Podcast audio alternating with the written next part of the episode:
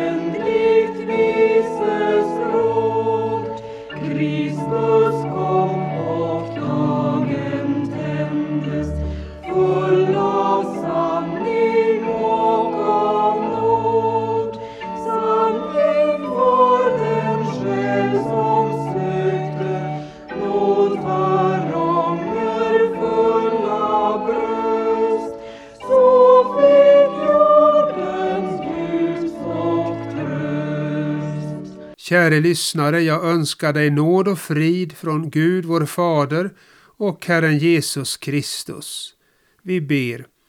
O Fader vår, barmhärtig god, som oss till dig vill kalla och stänka oss med Kristi blod som rena kan oss alla.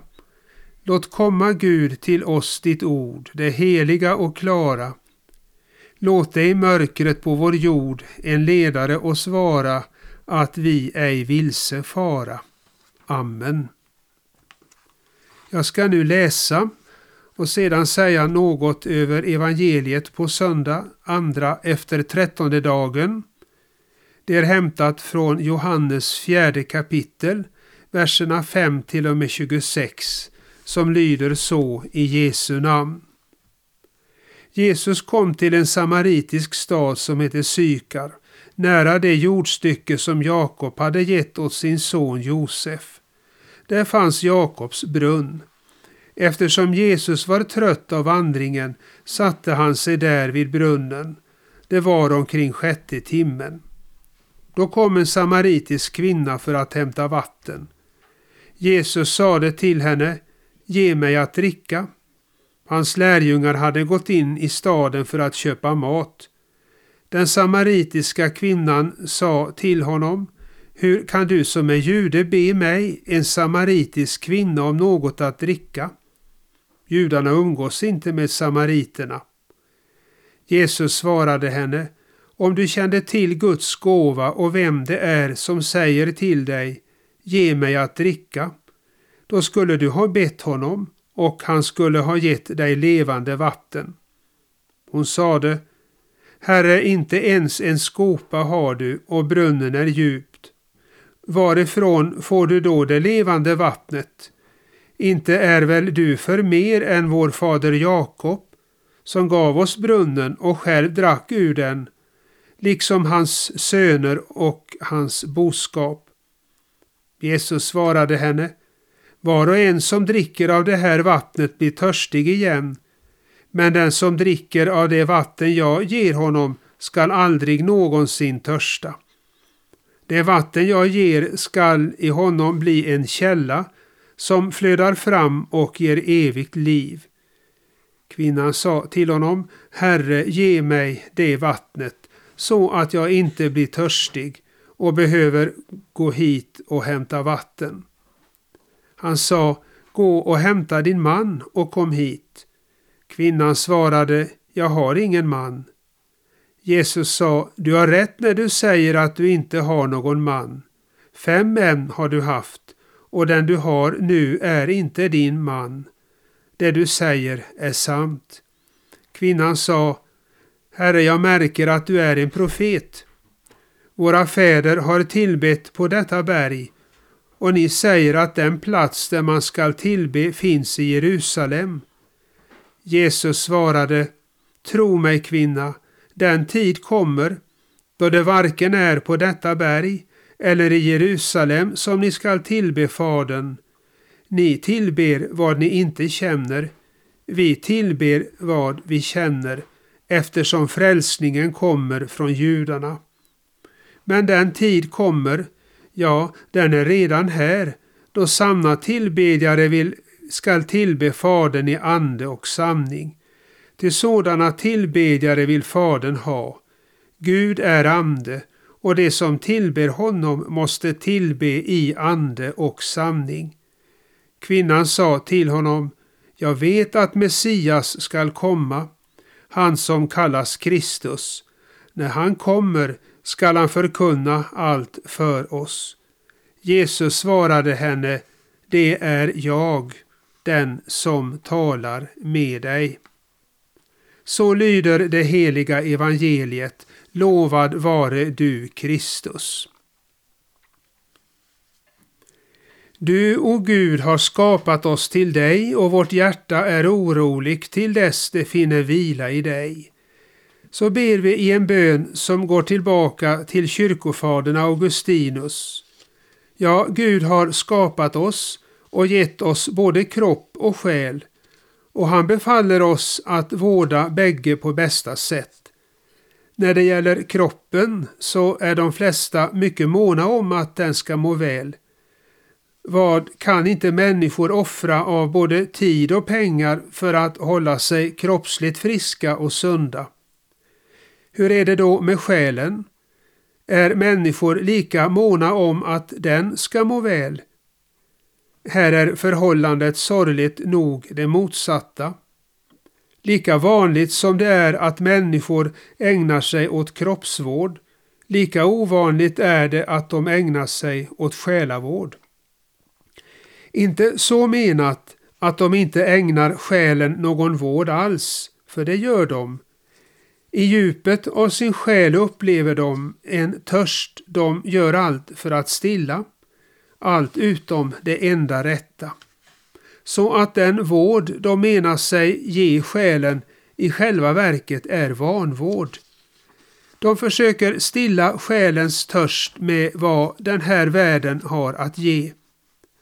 Och även om detta kan vara nog så oskyldigt och kännas nog så behagligt, varken räcker eller hjälper det. Många har ju ett överflöd av den här världens goda Ändå känner de sig så själsligt tomma och otillfredsställda. Någon frid i sitt inre kan de inte känna. Någon mening i tillvaron kan de inte upptäcka. Men varför? Jo, därför att de inte ger själen den rätta vården, det enda som den till sist kan leva av, verkligen leva av, nämligen honom som skapat själen och det goda som endast han har att ge. Det är sant som vi säger i den gamla bönen. Du, o Gud, har skapat oss till dig och vårt hjärta är oroligt till dess det finner vila i dig. Det gäller alltså att själen får den rätta vården för att den i djupaste mening ska vara frisk och sund. Denna själens vård, den vill Jesus ge varje människa, också dig och mig. Hur Jesus går tillväga då han vårdar våra själar och vad syftet med hans själavård är, det framgår av vår text. Den ska hjälpa, få hjälpa oss att en stund vara samlade kring ämnet när Jesus vårdar våra själar. Först när Jesus vårdar våra själar, då använder han sig idag av människor som sina redskap. När Jesus gick på jorden så predikade han ofta för stora skaror, ibland för flera tusen, och han hade verkligen anledning till det. Han hade ju kommit för att frälsa världen, det vill säga alla människor. Därför gällde det att nå så många som möjligt med det frälsande budskapet. Men Jesus glömde inte den enskilde för de stora skarorna. Han visste att varje själ behövde sin särskilda vård. Han var också alltid redo att ge sådan. Av Nya testamentet ser vi hur uppoffrande Jesus var i sin själavård. Han sparade sig aldrig. Han drog sig inte för långa och besvärliga vägar eller någon annan möda när det gällde att komma en ensam själ till tröst och hjälp. Det framgår inte minst av, av vår text. Det berättas där om en kvinna som bodde i en samaritisk stad som heter Sykar, nära det jordstycke som Jakob hade gett åt sin son Josef. Kvinnan hade kommit vilse i livet.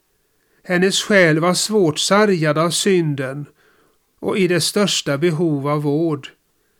Detta visste Jesus. Därför styrde han sina steg just till den plats där kvinnan bodde. Han brydde sig inte om judarnas oskrivna lag att inte ta vägen genom det föraktade Samarien. Eftersom folket där var känt för att dyrka både Israels gud och avgudar så ville judarna, som vi hörde i texten, inte umgås med samariterna. Det var alltså ingen tillfällighet att Jesus och kvinnan möttes, även om det kunde verka så. Men Jesus är densamme. Osynlig går han ännu på jorden som den store själasörjaren, som aldrig drar massorna över en kam utan har öppen blick och öppet hjärta för den enskilde. Ja, han riktigt brinner av längtan efter att få vårda och frälsa varje människosjäl. Så dyrt aktad är den i hans ögon. När Jesus idag vårdar själar så kan han göra det direkt genom sin ande med ordet. När en människa blir stilla inför Guds ord så kan det därför bli ett samtal mellan Jesus och henne. Jesus kan komma åt att vårda hennes själ just så som han ser att hon behöver det. Men också indirekt kan Jesus vårda våra själar nämligen genom människor som sina redskap. Luther säger att varje kristen ska vara en Kristus för sin broder. Det kan till exempel ske genom en kristens fromma exempel och goda föredöme eller genom något varningens och förmaningens ord som han får att bära fram eller genom uppbyggliga samtal och inbördes tröstande. Men framför allt är det församlingens lärare som ska vara själasörjare. Till var och en av dessa säger Jesus som en gång till Petrus, var en herde för mina får. Redan den offentliga förkunnelsen ska vara själavårdande. Det är sant att den också ska vara undervisande. Den ska ge kunskap om den sanning som möter oss i Guds ord detta är viktigt, ja så viktigt att Herren klagar genom sin profet. Det är förbi med mitt folk därför att de inte får någon kunskap. Men först och sist gäller det att förkunnelsen är just själavårdande, att den rätt delar sanningens ord och ger var och en just det som han eller hon behöver. Varning åt den oomvände, så att han eller hon överger den breda vägen. Tröst åt den uppväckte så att han eller hon vågar fly till Jesus i och med sin nöd. Uppmuntran åt den benådade så att han eller hon håller ut i sin vandring på vägen till himlen. Men också enskilt ska församlingens lärare vara själasörjare. Han ska vara redo att ge råd och vägledning när människor söker honom i den viktigaste av alla angelägenheter, den om själens eviga frälsning. Inte minst när man befinner sig i tvivel och ovisshet så kan det vara till stor hjälp och tröst. Själasörjaren kan då på ett mera personligt och direkt sätt ge människor det Guds ord som han ser att de befinner, att de behöver i det andliga mörker som de just då befinner sig i. Vidare säger vi, när Jesus vårdar våra själar, då börjar han med att väcka längtan efter något annat och bättre än det jordiska. I staden Sykar, dit Jesus hade kommit, fanns Jakobs brunn. Och eftersom Jesus var trött av vandringen satte han sig där vid brunnen.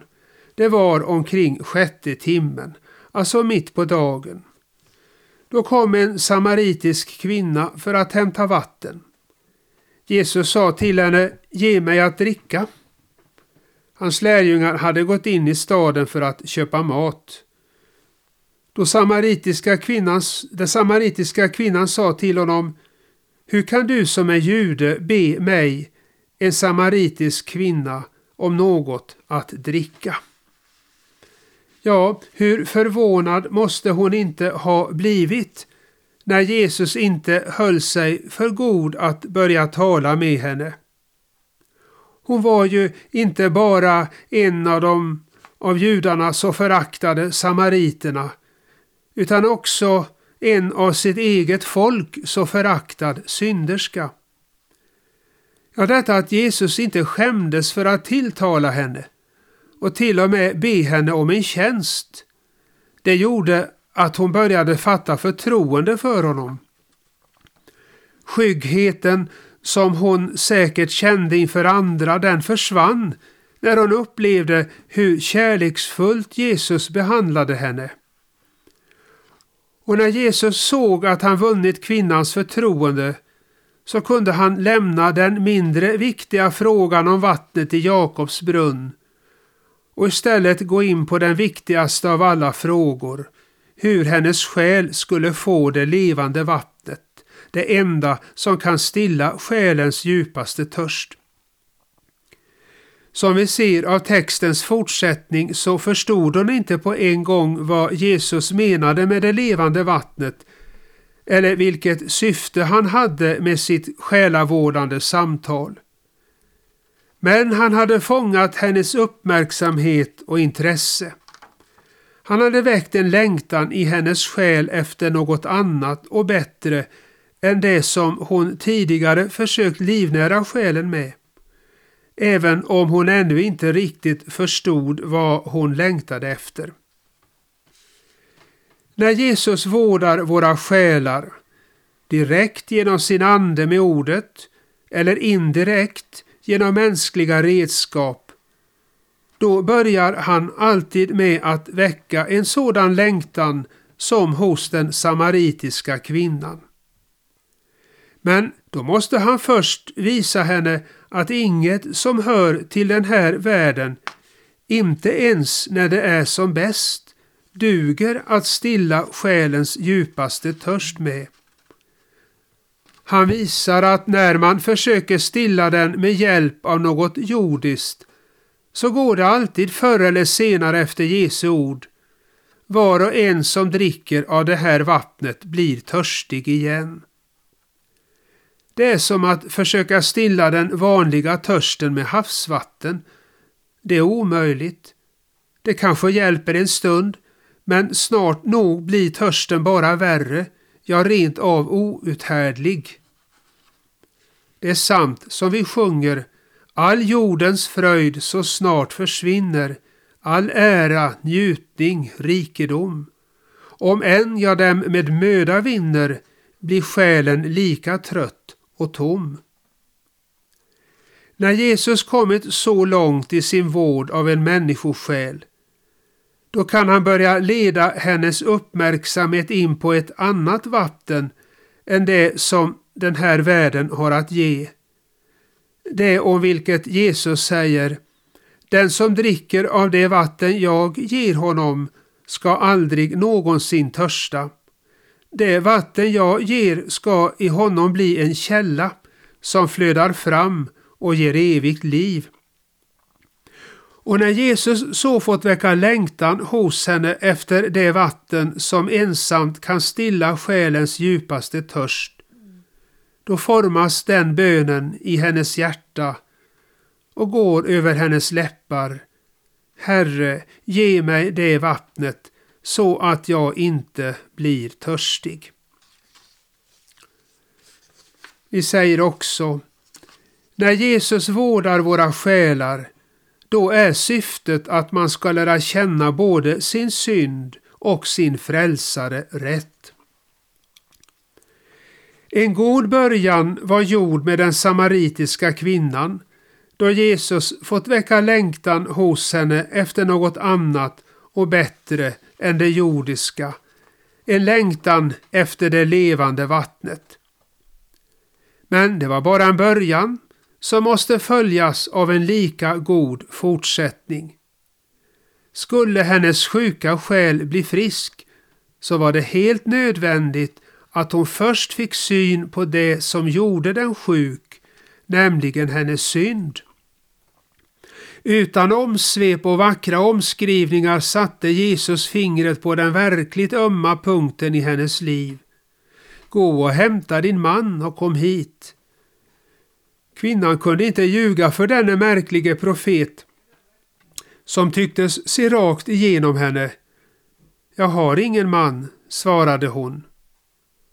Det var i och för sig sant, men det var bara halva sanningen.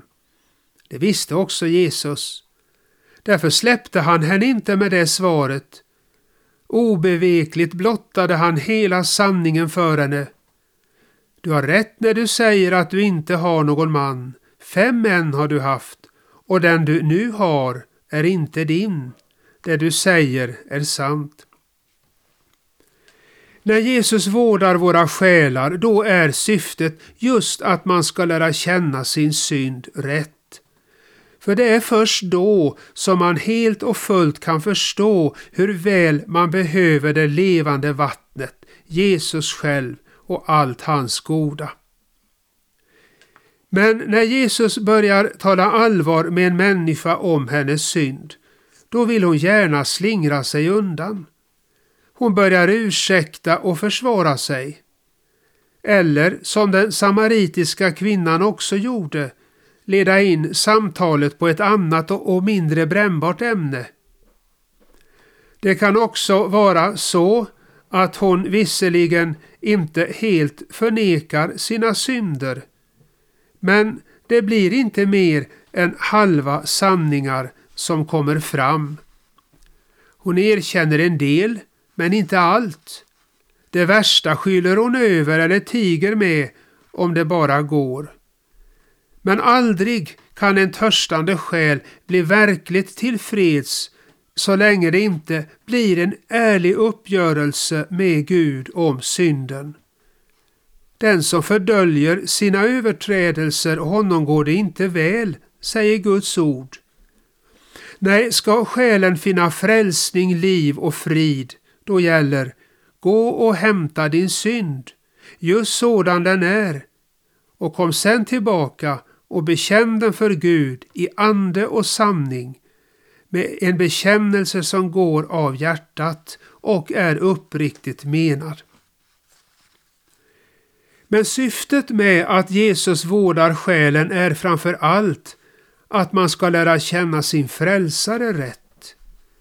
Steg för steg ledde Jesus den samaritiska kvinnan fram till det som alltid är målet för Jesu själavård, att visa vem han är, Messias, den av Gud utlovade och med Guds andes mode frälsaren. När kvinnan sa till Jesus jag vet att Messias ska komma, han som kallas Kristus. När han kommer ska han förkunna allt för oss. Så heter det att Jesus svarade henne, det är jag, den som talar med dig. Och när kvinnan förstod att eh, Jesus var Messias och hade kommit också för hennes skull, så skedde undret. Hon fick ta emot sina synders förlåtelse och därmed kraft till att börja ett nytt liv. Hennes sjuka själ blev frisk och hennes längtan efter det levande vattnet stillad. Och det är just vad som alltid sker när en människa i ordet får se vilken stor och härlig frälsare Jesus är. Och störst av allt, att han är det inte bara för andra, utan också för henne. Så uppfylls på henne Jesu ord.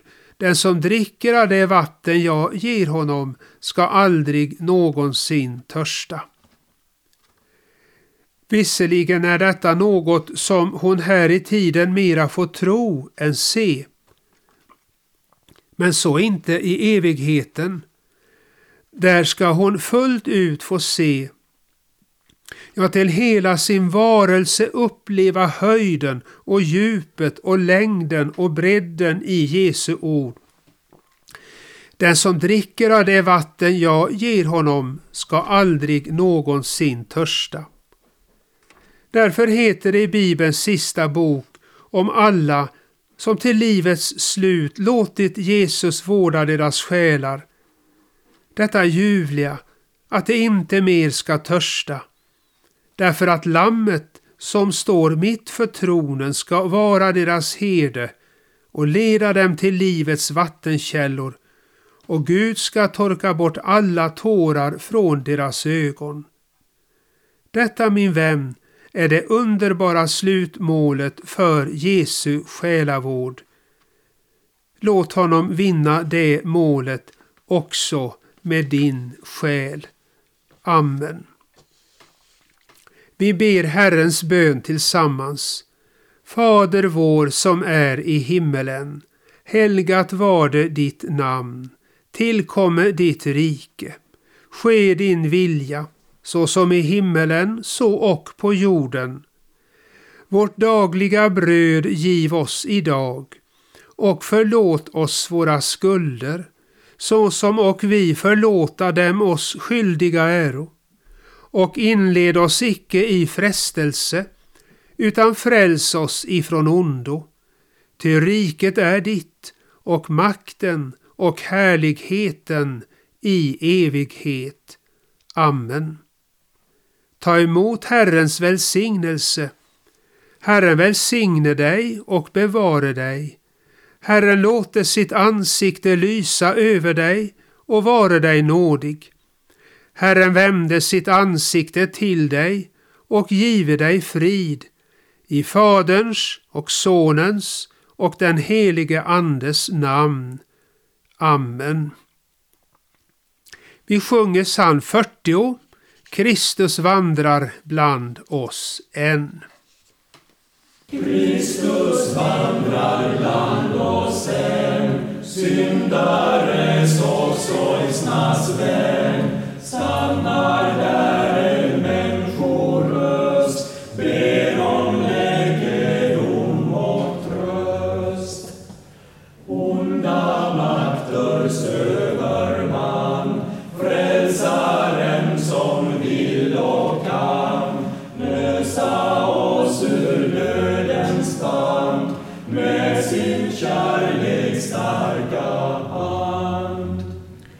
Ja, här var det den skånska manskören Ynglingarna. Ja, de är nog inte aktiva längre. De är i mina ålder, så de är väl kanske knappt ynglingar längre. Men eh, de eh, sjöng in ett antal skivor då för en eh, 20-25 år sedan eller sådär. Och där var det salmen 40 de sjöng ett par verser på, Kristus vandra bland oss än. Och här i Kycklingförbundets veckoandakt denna vecka fick vi också höra en betraktelse av Jan-Erik Appell inför den kommande helgen. Och vi eh, hälsar er alla hjärtligt välkomna till en ny veckoandakt nästa vecka. Då får vi höra Pekka Heikkinen från Seglore leda vår betraktelse inför tredje söndagen efter trettondagen.